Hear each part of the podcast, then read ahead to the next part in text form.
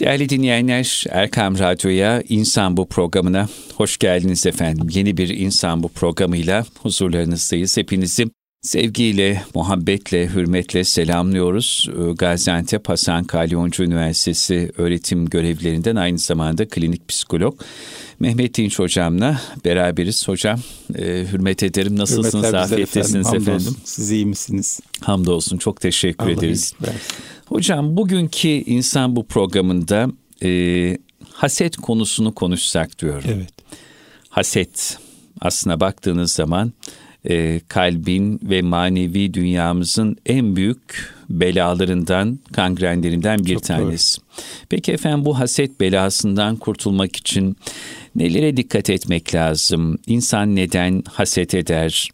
E, haset etmemek için nasıl manevi bir donanıma ya da iç derinliğe, zenginliğe sahip olmak gerekir? Tabii bunu da elde etmek için neler yapmak gerekir? Biraz bu konular çerçevesine konuşalım da şu belayı dünyamızdan, hayatımızdan çıkartalım isteriz. Ne dersiniz Evet efendim? hakikaten haset meselesi gündemimize almamız gereken şeylerden bir tanesi. Çünkü esasında aşina olmadığımız bir konu değil. Yani insanlık tarihinden itibaren Hazreti Adem'den bu yana gelen bir hastalık, ahlaki hastalıktır haset. Malum Habil ile Kabil'in hadisesinde e, temelde orada problemi ortaya koyan şey, e, ihtilafa, nizaya sebep olan şey haset esasında. Evet. E, sonrasında bakıyoruz tarihimizde bir sürü bir sürü örneği var ama yine en bilinenlerden bir tanesi Hazreti Yusuf'un çektikleri. Hazreti Yakup'un çektikleri. Hazreti Yakup'un oğulları Hazreti Yusuf'un kardeşleri haset ediyorlar Hazreti Yusuf'a ve ona kötülük ediyorlar. Ondan dolayı da e, ibretlik bir hadise geçiyor hepsinin başından. E, nihayeti güzel bitiyor ama Evet. e, o haset edenler ne kadar perişan oluyorlar ve ne kadar üzüntüye, derde, sıkıntıya sebep oluyorlar. Onları da bir düşünmek lazım. Onun haricinde de dinleyicilerimizin zihninde de, yaşantılarında da, tecrübelerinde de bir sürü hikayeler, bir sürü Vardır. anlatılar, bir sürü olaylar vardır. Dolayısıyla haset temelde yaşamımızın içinde sıklıkla var ola gelen bir şey. Yani hem etrafımızda şahit oluyoruz hem de içerimizde hissediyoruz zaman zaman. Ama bu e, çok ciddi anlamda zarar veren bir hastalık ve bu hastalıkla alakalı farkındalığımızın olması, tedbirimizi almamız, varsa kurtulmamız lazım. Onun üzerine biraz konuşsak iyi olur. Lütfen. Kanaatindeyim. İnşallah. Şimdi bir defa hasedin ne olduğuyla alakalı kafamızı netleştirmemizde fayda var. Yani haset dediğimizde acaba tab Ne olarak neye anlamalıyız? karşılık Evet. geliyor? Onu anlamamız lazım ki ayırt etmek mümkün olsun. Bu noktada baktığımızda hasedin kıskançlık olmadığını söyleyebiliriz. Haset kıskançlık değil. Kıskançlık başka bir şey. Melanie Klein diye çok meşhur bir e, psikoloji alanında araştırmalar yapmış, psikoloji tarihine geçmiş bir kişi var. O diyor ki kıskançlık elinde olanı yitirmekten korkar diyor. Kıskançlık elinde, olanı yitirmekten, korkar. korkar. Yani kıskanç kişi. Evet. evet. Hasette ise kendi istediğinin bir başkasında olduğundan dolayı acı duyar diyor. Kasette bende yok, başkasında var. Ee, ondaki gitsin. Bende olsa iyi olur ama olmasa da olur. Yeter ki ondaki gitsin. Halbuki kıskançlık biraz daha farklı. Kıskançta, kıskançlıkta elimde olanı ben yitirmek istemiyorum. Ondan dolayı korkuyorum ve e, kıskançlık yapıyorum. Dolayısıyla haset kıskançlık değil bunu karıştırmamak lazım. Çok güzel. Gıpta hiç değil. Gıpta hiç değil. Gıpta ne demek? Bir insandaki güzel bir hasletten, güzel bir özellikten, güzel bir varlıktan dolayı insanın ona imrenmesidir. Ona zarar gelmesin ben de sahip olsam ne güzel Evet. olur. Ben de bunu edinsem ne kadar güzel olur gibi bir düşünce, bir arzu vardır. Dolayısıyla gıpta hiç değildir. Kesinlikle karıştırmamak lazım. Murat Menteş'in bir kitabında çok güzel bir şey geçer. Der ki iki kişi konuşur. Budalılığın en büyük belirtisi nedir der. Karşı tarafta cevap verir der ki budala gıpta edeceği kişiye haset eder. Hmm. Budala gıpta edeceği kişi haset eder. Evet. Halbuki yani gıpta etse, haset etmese kendi kazanacak. Ama haset ettiği zaman kaybediyor. Yani temelde motivasyon aynı. Bir şeye sahip olmayı istemek. Ama yol yanlış olunca, yol zehirli olunca bu sefer kendi de zarar görür hale geliyor. O yüzden yolu bozmamak, zehirlememek lazım. İnsan bir şeye sahip olmayı isteyebilir, bir niteliğe haiz olmayı arzu edebilir. Hiç problem değil. Ama bu arzu ettiği şeyle alakalı yolu yanlış tutarsa başka insanların zararını isterse, başka insanların kayıplarını isterse, başka insanların bir şeyleri yitirmesini beklerse orada haset oluyor, zehirli bir hale geliyor ve bunu e, Cenab Şahbettin çok güzel Hı. özetliyor. Diyor ki haset diyor başkalarının balını kendine zehir etmektir diyor. Çok güzel bir ifade.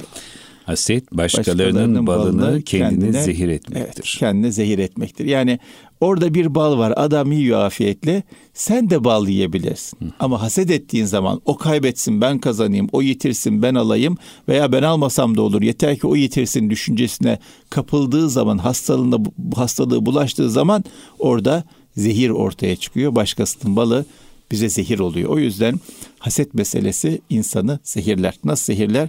Onun üzerinde duracağım ama e, hasedi biraz daha anlamamız lazım ki ne olduğuyla alakalı e, zihnimiz genişlemiş olsun ve ona yönelik tedbirimizi almış olalım. Hasedin İngilizce kökeni etimolojik olarak körlükten geliyor.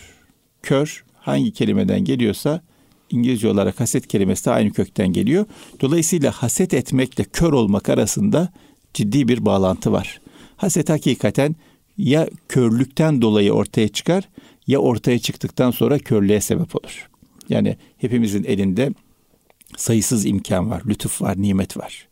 Haset eden kimse elindekilere kör kalmıştır. Hı hı. Sahip olduklarına kör kalmıştır. Yapabileceklerine kör kalmıştır. Ya da haset ettikten sonra sahip olduklarını, yapabileceklerini, elindekilerini göremez olur. Onlara kör kalır. Ee, başkasının elindekilere bakmaktan kendi elindekilere bilgane kalmış olur. O yüzden hasetle körlük arasında çok büyük bir ilişki var. Bunu da bir düşünmek lazım. Bir diğer mesele bizim Osmanlı'nın son dönemlerinde ahlak e, düşüncesi anlamında çok önemli çalışmalar yapmış Kınalızademiz var. Kınalızade'nin ahlaki alisinde e, çok güzel bir haset tanımı vardır. Der ki marazı haset cehliyle tamahın içtimağından hasıl olur der. Yani bu hasedin ortaya çıkmasının iki tane çok temel sebebi olduğunu söylüyor. Bir tanesi cehalettir, bir tanesi de tamahtır. İkisi de büyük hastalıklardan bir tanesi. E, dolayısıyla e, cehaletle alakalı da tamahla alakalı dikkat etmek lazım. Cehalet dediğimizde neyin cehaleti? Bir defa bu hayatın anlamı nedir? Ben bu hayatta niye varım? Bununla alakalı cahil olan insan hayatın anlamını makam mevkide arar, mal mülkte arar, şanda şöhrette arar.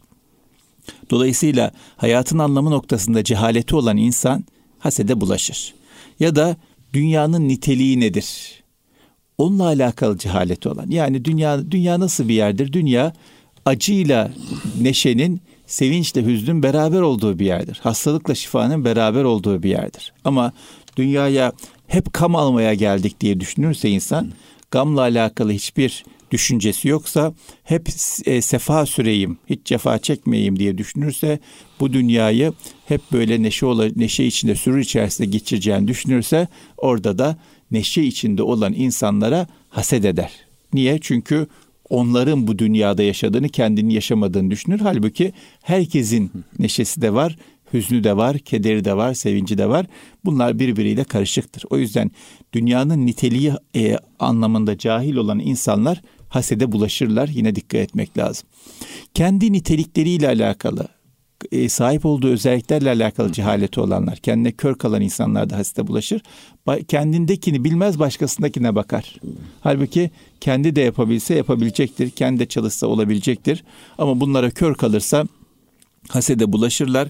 Kendi imkanlarından bir haber olan insanlar e, yine hasede bulaşırlar. Halbuki baktığımızda bugün dünyada e, milyonlarca, milyarlarca insan suyla alakalı, gıdayla alakalı, görmekle alakalı, duymakla alakalı, konuşmakla alakalı, dokunmakla alakalı, sağlıklı bir şekilde ayakta durmakla alakalı, yürümekle alakalı, okumakla alakalı, yazmakla alakalı, okuduğunu anlamakla alakalı veya duygularını kontrol etmekle alakalı ya da güvenli bir sığınak bulmakla alakalı, e, bir eve, yuvaya sahip olmakla alakalı, bir işe sahip olmakla alakalı ne kadar zorluk çekiyorlar. Dolayısıyla hali hazırda eli ayağı tutan, gözü ku, gören, kulağı işten, okudu, yap, yazan, yazdığını okuduğunu anlayabilen, konuşabilen bir insan milyarlarca insanın önünde.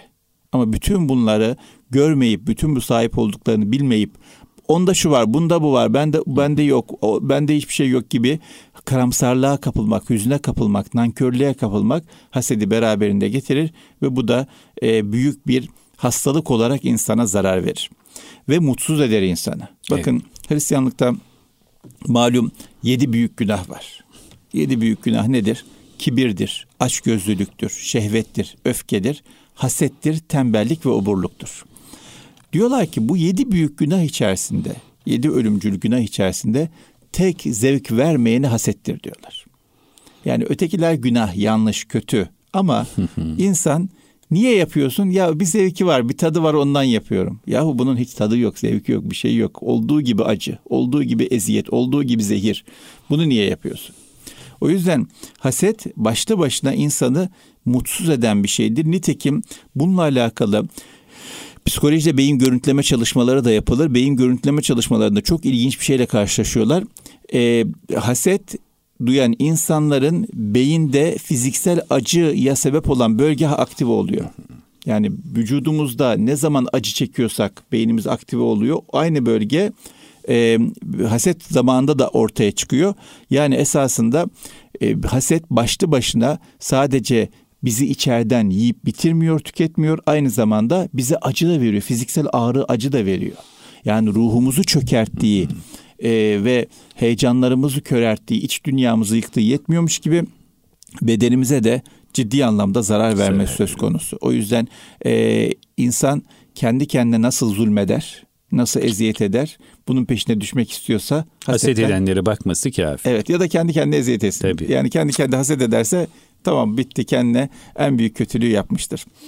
Şimdi hasetle alakalı en büyük meselelerden bir tanesi haset bir hesap hatasıdır. Çok büyük bir hesap hatası. Derken hocam hesap yani hatası. şunu kastediyorum.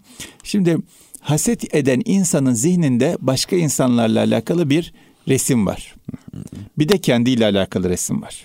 Hasetteki en büyük hesap hatası ne insanlar onun zihnindeki resimdeki gibi ne kendisi onun zihnindeki resimdeki gibi. Yani başka insanların sürurunu, mutluluğunu, sahip olduklarını olduğundan çok daha büyük gözü görüyor. Kendi imkanlarını sahip olduklarında olduğundan çok daha küçük görüyor. Ciddi anlamda bir hesap hatası yapıyor. Halbuki baktığımızda o çok sürurlu, mutlu gördüğü insanların hayatındaki dertleri, sıkıntıları bilse o mutluluğa da talip olmayacak. Çünkü var yani her insanın kendi hayatında eziyeti var, hüznü var, e, mutsuzluğu var. Onları bilmiyoruz. Bir yüzünü görüyoruz ve o yüze haset ediyoruz, talip oluyoruz. Halbuki bütün resme baktığımızda herkesin bir mutsuzluğu var. El aleme şen görünür dört köşem bilen bilir kırık yerim neremdir hmm. diyor. Hepimizin kırık yerleri var. Yani bu dünyada tamamıyla e, mutlu olan hiçbir hüznü derdi sıkıntısı olmayan insan yok. Hepimizin var hüzünleri, dertleri. O yüzden hesap hatası nereden kaynaklanıyor? İşte başka insanı çok mutlu, acayip mutlu, hiç hüzün, dert, sıkıntı yok görüyor. Kendinde de hiç mutluluk yok, hiç imkan yok, hiç güç yok, hiç nimet yok gibi görüyor. Bu hesap hatasından dolayı haset ediyor. Bu da büyük bir sıkıntıdır. Bununla alakalı çok güzel bir hikaye var. Benim çok hoşuma gider. Müsaadenizle paylaşmak Lütfen, isterim. Lütfen buyurun hocam. Bir tane taş işçisi var. Bu taş işçisi kızgın güneşin altında taş ocağında çalışıyor. Bir dağı delmeye çalışıyor. Dağı delerken kafasını bir an kaldırıp güneşe bakıyor kan ter içinde. Ah diyor bir güneş olsaydım. Güneş ne kadar yüksek, ne kadar, ne kadar hakim, her şeyin sahibi gibi duruyor. Hiçbir şey onu etkilemez. Öykü bu ya yani o an bir mucize oluyor adam güneş oluyor. Ondan sonra böyle bir keyfini süreyim derken bakıyor ki bu ışınların önüne bulutlar geçiyor. Ne yapsa bulutları aşamıyor. Oho diyor ya. Güneş olmak değil esas bulut olmak meseleymiş. Güneşi bile siper alıyor. Güneşe bile tesir ediyor. Keşke bulut olsam diyor. Ondan sonra hakikaten hikaye sebebiyle bulut oluyor. Bulut olarak keyif süreyim derken o sırada bir rüzgar alıyor. Bulutları önüne katıp sürüklüyor. O diyor bu rüzgar diyor daha da iyiymiş. Daha da iyiymiş. Ondan sonra rüzgar olmak istiyor. Evet hakikaten de rüzgar oluyor. Rüzgar olduktan sonra oraya buraya eserken önünde e, dağlar duruyor. Dağları geçemiyor. Dağları aşamıyor rüzgar. diyor ki keşke dağ olaydım diyor. Dağ sapasağlam duruyor. Dağ oluyor. Dağ olarak böyle bütün heybetiyle gücüyle dururken bir bakıyor ki tak tak tak birisi onu deliyor. Dağdan da güçlü bir şey var. Taş işçisi ince ince dağı deliyor. Diyor ki esas diyor güçlü taş işçisiymiş. Tekrar başa dönüyor. O yüzden İbrahim Hakkı Hazretleri'nin siz benden daha iyi hatırlarsınız. E, Çok güzel bir ifadesi var ya. Deme öyle. Neden ned- nedendir? E, neden böyle? Yerindedir o öyle gibi bir ifadesi var. Teyfiznamesinde geçiyor. Evet evet. Deme öyle neden neden neden böyle? Yerindedir o öyle. Herhalde öyle bir şeydi. Ee, o mesela çok önemli bir ifade. Yani İbrahim Hakkı Hazretleri benim uzun zamandan beri anlatmaya çalıştığım, gevezelik yaptığım meseleyi çok net bir şekilde özetlemiş ve e, kelam-ı kibar şeklinde bize hediye etmiş. Deme niçin? Deme şu niçin şöyle. E, yerincedir o öyle. Bak sonuna sabreyle Ya. Mevla görelim Ya. neyler neylerse güzel Evet, eyler. Ne Aynen güzel öyle. ifadeler. Aynen öyle. O yüzden her şey yerinde. Her Evet, şey yerinde. Merkez Efendi'nin dediği Tabii. gibi. Evet herkes merkezi Tabii. evet doğru Her şeyi- merkezine koyuyor. Dolayısıyla e, onu da bir düşünmek lazım. Hesap, hesap hatası yapmamak lazım. Bir de yanlış kıyaslara girmemek lazım. Şimdi sosyal medyada insanlara bakıyorsunuz. Mükemmel bir hayat yaşıyorlar. Kimsenin öyle bir hayatı yok. Mükemmel hayat diye bir şey yok. Hayat dediğimiz eksiğiyle kırığıyla hayattır. O yüzden sosyal medyada görünen hayat gerçek hayat değil. Onlara bakıp kendimizi kaybetmeyelim. Onların e, büyüsüne kapılmayalım. İllüzyon onlar. Gerçek değil. Geçen hafta bir e, video gördüm. Bir hanımefendi diyor ki biz modellere özenmeyin diyor. Çünkü gösteriyor.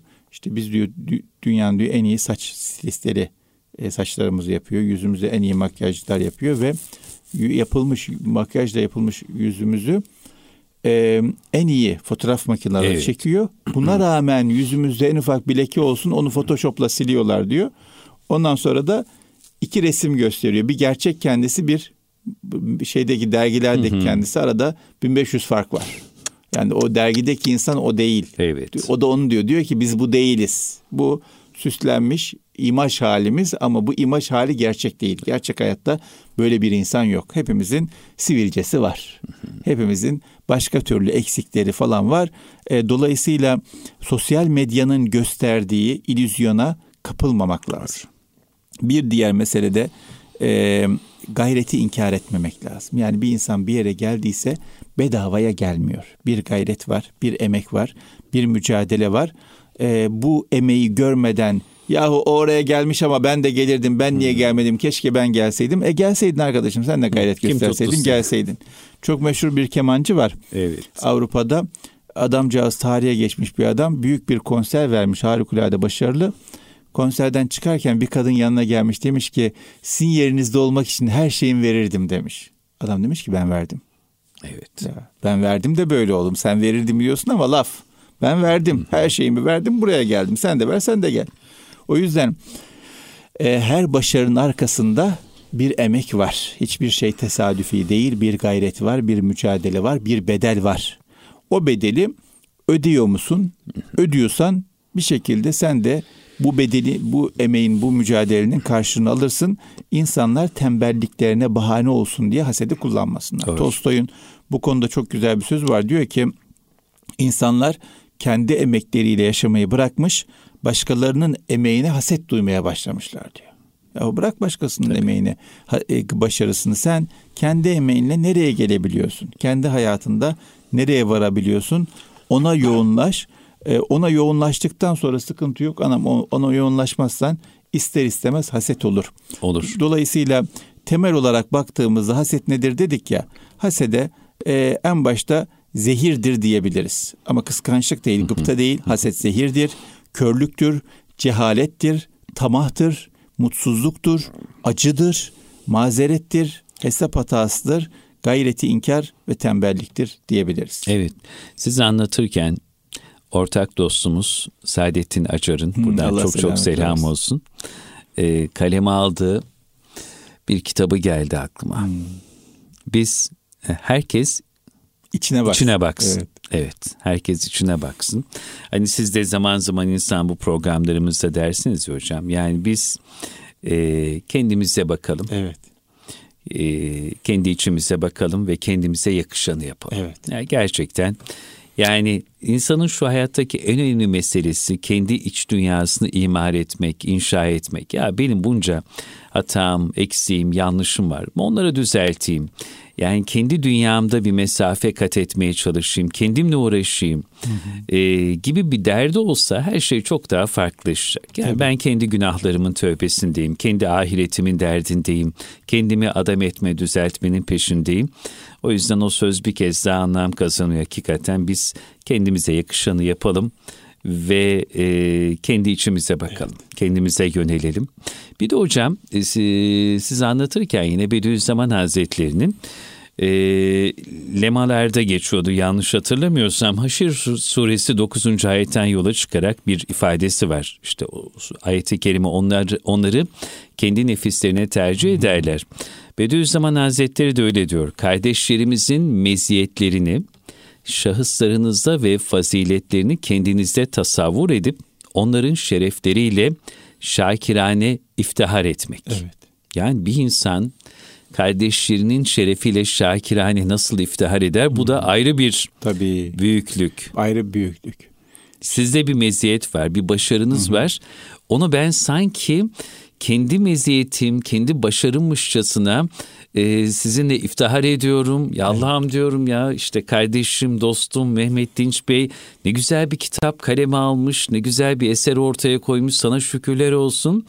Yani bu da değil mi ayrı bir büyük incelik bir marifet, hocam. Çok evet. büyük marifet. Şimdi e, bir insanın derdine üzülmek kolaydır Hı-hı. da sevincine sevinmek e, çok zordur. Doğru. Çok doğru. Yani bir insanın başına gelen talihsizliğe, acıya, belaya, sıkıntıya hepimiz üzülürüz. Bu insani bir e, in, insiyaki bir şey.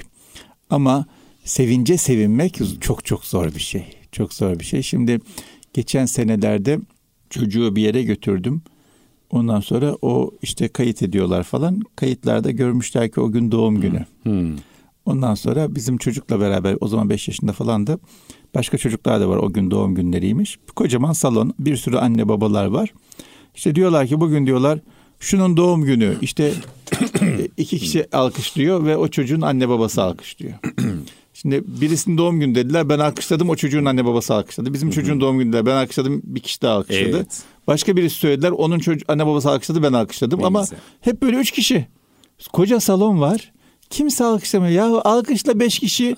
Beş yaşında çocuk yani. Beş yaşında çocuk sevinsin bir şey değil ama başka insanların sevincine sevinmek, onu paylaşmakla alakalı bir özensizliğimiz var. Sevinelim. Yani sevinelim ne olacak paylaşalım. Hasedi bitirmek hasedi istiyorsak bitirmek için tabii, tabii tabii. Şimdi bu noktada hasedin panzehiri olabilecek en önemli şeylerden bir tanesi başka insanların sevincine ne kadar sevinebiliyoruz. Bu noktada da e, hasedin tedavisi anlamında yapılabilecek en önemli ilk şeylerden bir tanesi benim kanaatim kardeşlerimiz için gıyaplarında dua etmek. Kesinlikle. Yani gecenin bir vakti, gündüzün bir vakti namazdan sonra veya herhangi bir anda kimse bilmeden ellerimizi açıp Allah'ım şu kardeşime şunu ver, bu kardeşime bunu ver, bu kardeşime iyilik ver, güzellik ver, makam ver, mevki ver, mal ver, mülk ver, şan ver, şöhret ver ve hiç bozulmasın. Hep rızan doğrusuna kullansın diye dua edebilmek çok büyük kritik mesele. Bizim kültürümüzde çok güzel bir söz var. İşte birisi de bir şey söylediğinde ya elbisen çok yakışmış daha iyisi senin olsun derler. Tabii ne güzel bir Çok ifade. güzel bir ifadedir ama burada ister istemez riya devreye girer. Hı. Niye yüzüne söylüyorsunuz? Hı. Belki hissetmiyorsunuz falan. Ama bir insanın arkasından dua ettiğinizde orada riya yok. Haberi yok. Haberi yok. Kimse bilmiyor. Kimseye gösteremezsiniz onu. Allah'la aranızda. O yüzden e, bizde haset var mı yok? Yok canım bende haset yok falan. Ha, ellerini açtığında başka bir Müslümana bütün samimiyetinle, kalbinle her gün dua edebiliyor musun? Tamam sende haset yok. Kızdığın bir insana dua edebiliyor musun iyiliği için? Allah onu ıslah etsin. Ve dua eder gibi dua ediyoruz yani o adama bir yük yükleyerek, o adamı kötü hale getirerek Allah onu ıslah etsin diyoruz. Halbuki kızdığın insana bile Allah ona iyilik versin, afiyet versin, güzellik versin, iyiliğini artırsın, güzelliğini artırsın diyebiliyorsak bu işte çok büyük bir olgunluk. O yüzden e, kendi kendimizi test edelim ve tedavi etmeye çalışalım. Bu tedavinin ilk ayağı ilk başta başkasına dua etmektir. Çünkü Müslüman bugünkü Müslümanlardan, dünkü Müslümanlardan yarınki Müslümanlardan sorumludur. Bu çok büyük bir yük. Şimdi biz bugünkü Müslümanlardan sorumluyuz. Müslümanlara karşı e, yerine getirmemiz gereken vazifeler var. Ve bütün Müslümanların affını istiyoruz Allah'tan her namazdan sonra. Bütün Müslümanların afiyetini istiyoruz. Aynı zamanda bizden öncekilere karşı da sorumluyuz. Bakın İsa ayeti demin evet, okuduğunuz ayetin evet. devamında o müminler, o İsa'yı yakalamış müminler Rablerine dua ederler. Derler ki bizden önce gelen müminlere karşı kalbimizde hiçbir kim bırakma. Hep onlarla ilgili tertemiz, güzel bir şekilde düşünelim. Ve onları affet derler. Yani baktığımızda Müslüman insanın sorumluluğu sadece çağdaşı olduğu insanlara karşı değildir. Kendinden önce gelen insanlara karşı da e, bir sorumluluk sahibidir. Onların affı için, onlara karşı güzellikler, iyilikler düşünmek için, onlara karşı kalbinde herhangi bir olumsuzluk olmasın için de dua eder.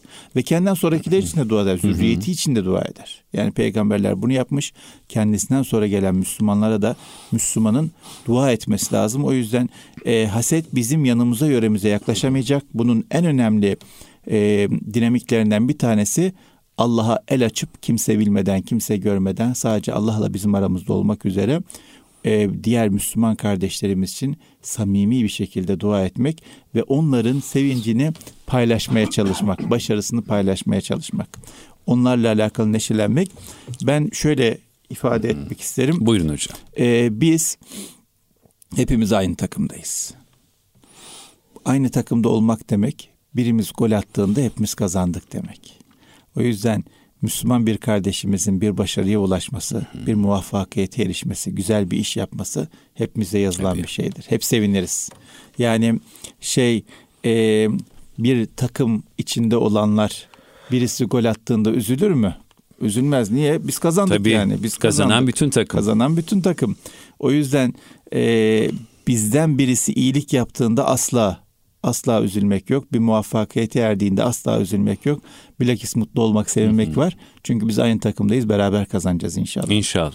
Şimdi hasetle alakalı bu kadar konuştuk ama nedir üzerine, neden olur üzerine de belki konuşmak Buyurun lazım. Efendim. Gerçi bu haset meselesi uzun bir programa yetmez ama çok kısaca e, kalan vaktimiz ne kadar kaldıysa onun üzerinde nedenler üzerinde biraz durayım Buyurun istiyorum. Efendim. Psikoloji bugünkü adıyla psikoloji olan e, ilimde Ebu Bakir Razi adında büyüklerimizden birisi var. Çok güzel çalışmalar yapmış. Ettibur Ruhani diye bir kitabı var. O diyor ki haset diyor cimrilik de aşırı ihtirasın birleşmesinden doğar diyor. Cimrilik ve aşırı ihtirasın evet, birleşmesinden, birleşmesinden doğar. haset doğar. Kınalızade cehaletle tamah diyordu. yani yine aşırı istek, aşırı arzu ama cehalet diyordu. Fahrettin Razi, Ebubekir Razi cimrilik de aşırı ihtiras diyor. İhtiras hepsinde var, ikisinde de var. Bir tanesinde cehalet, ötekisinde cimrilik var. Dolayısıyla e, bu hastalığa bulaşmamak için neyse sebebi onun tam tersini yapmak lazım. Cehaletse insanın kendini öğrenmesi, bilmesi, dünyanın niteliğini, hayatın anlamını, kendi yapabileceklerini bilmesi lazım. Tamahsa tamahlarını kontrol edecek, aşırı ihtirasını kontrol edecek, e, fedakarlıklarda bulunması lazım, tercihlerde bulunması lazım. Cimrilik ise tam tersi davranışlara dönük cömert bir şekilde vermesi, paylaşması lazım. Yine Gazali de hasetle alakalı diyor ki hasedin sebepleri düşmanlık ve kin gütmedir diyor. Bakın o yüzden işte Kur'an-ı Kerim'de kalplerimizde onlara karşı kin bırakma diyor. Kin çok kötü bir şey. Yük bir şey. O yüzden kim varsa haset var, düşmanlık varsa haset var. Asla düşmanlık ve kin olmaması lazım. Üstünlük duygusu, kibir, böbürlenme hasedin sebeplerinden bir tanesi. Asla üstünlük duygusu, kibir ve böbürlenmeye girmemek lazım. Ulaşılmak istenen şeylerden mahrum kalma korkusu. İşte bu da ihtirasla alakalı ya da makam mevki tutkusu bu da ihtirasla alakalı. İhtiras noktasında da insan kendini muhakkak dizginlemesi lazım. Ve son olarak Gazali İhya'da diyor ki e, bir sebepte nefsin kötülüğü ve çirkinliğidir. Yani bütün bunlar olmuyor ama ben ahlaki anlamda zayıf bir insanım. Nefsim kötü, çirkin, terbiye etmemişim, ham kalmışım, hayattan bir şey öğrenmemişim. Kendimi ıslah etmekle alakalı bir sürece girmemişim. E, böyle bir şey olursa da bende haset olur. O yüzden nefsi ıslah etmeye çalışmak, terbiye etmeye çalışmak, düzeltmeye bir yola, bir hale koymaya çalışmak bizim en önemli gündemlerimizden bir tanesi olmalı. Öbür türlü ihtirasım yok, öfkem, nefretim yok, bir makam tutkum yok ama bende hala haset var. Demek ki nefsimde ciddi anlamda bir hamlık var. Onu terbiye etmeye, işlemeye çalışmak lazım. O yüzden hocam işte büyüklerimiz, hocalarımız diyor ya kalp merhaleler kat edecek. Evet. Kalp bir derinlik kazanacak, bir mesafe kat edecek. Ondan sonra e, işte bu haset kanserinden, bu kangrenden kalbimizi uzaklaştıracağız. Bu da bir aşmışlığı gerektiriyor. Tabii, tabii. Yani her şeyin Allahu Teala'dan olduğunu bilmek, sahip olduğun nimetlerin, meziyetlerin farkına varıp daha önce birkaç programda konuştuk. Nimetlere şükredebilmek. Evet. Biz önce kendimize dönüp baksak yani şükründen aciz olduğumuz ne kadar çok ya. nimete mazhar olmuşuz. Ya. Bırakın bir başkasına haset etmeyi değil mi efendim? Tabii. O yüzden e, inşallah yani kimseler bilmeden kardeşlerimize seher vakitleri olsun, duaların müstecab olduğu demlerde olsun. Gönülden dualar edebilmeyi Mevlamız İnşallah. bize nasip etsin. İnşallah. Kur'an-ı Kerim'de bir tane ayet var. Onu da müsaadenizle Lütfen, hatırlatayım. buyurun bitirmeden. buyurun istirham ederim. Ee, beni çok etkiliyor. Allah Teala buyuruyor ki saymaya kalksanız sayamazsınız üzerinizdeki nimetleri buyuruyor. Saymaya kalksanız sayamazsınız. O yüzden hakikaten çok büyük nimetler var. Saymaya kalksak sayamayacak şekilde. Bunlara karşı bir nankörlük içerisinde olup elimizdekine kör kalıp başka insanların eline bakmak kadar ayıp bir şey yok. Bu çok ayıp Doğru. bir şey. Hiç yakışmaz bir şey yani. Doğru.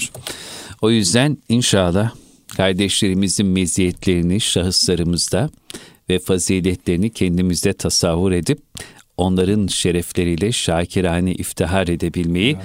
Cenab-ı Allah hepimize nasip etsin. Amin. Şu programda Amin. anlattıklarınızdan Amin. E, layık veçiyle e, anlayabilmeyi, dersler çıkarabilmeyi İnşallah o haset illetinden hepimizin kalbini muhafaza etmeyi Allahu Teala Amin.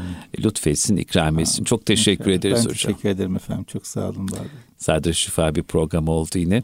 Erkam Radyo'da e, klinik psikolog Mehmet Dinç hocamla beraber insan bu programıyla huzurlarınızdaydık aziz dinleyenlerimiz. Hepinize de programımıza, programlarımıza gösterdiğiniz alaka için çok teşekkür ediyoruz. Haftaya aynı saatlerde tekrar huzurlarınızda olabilmek dileği ve duasıyla Allah'a emanet olun. Kulağınız bizde olsun.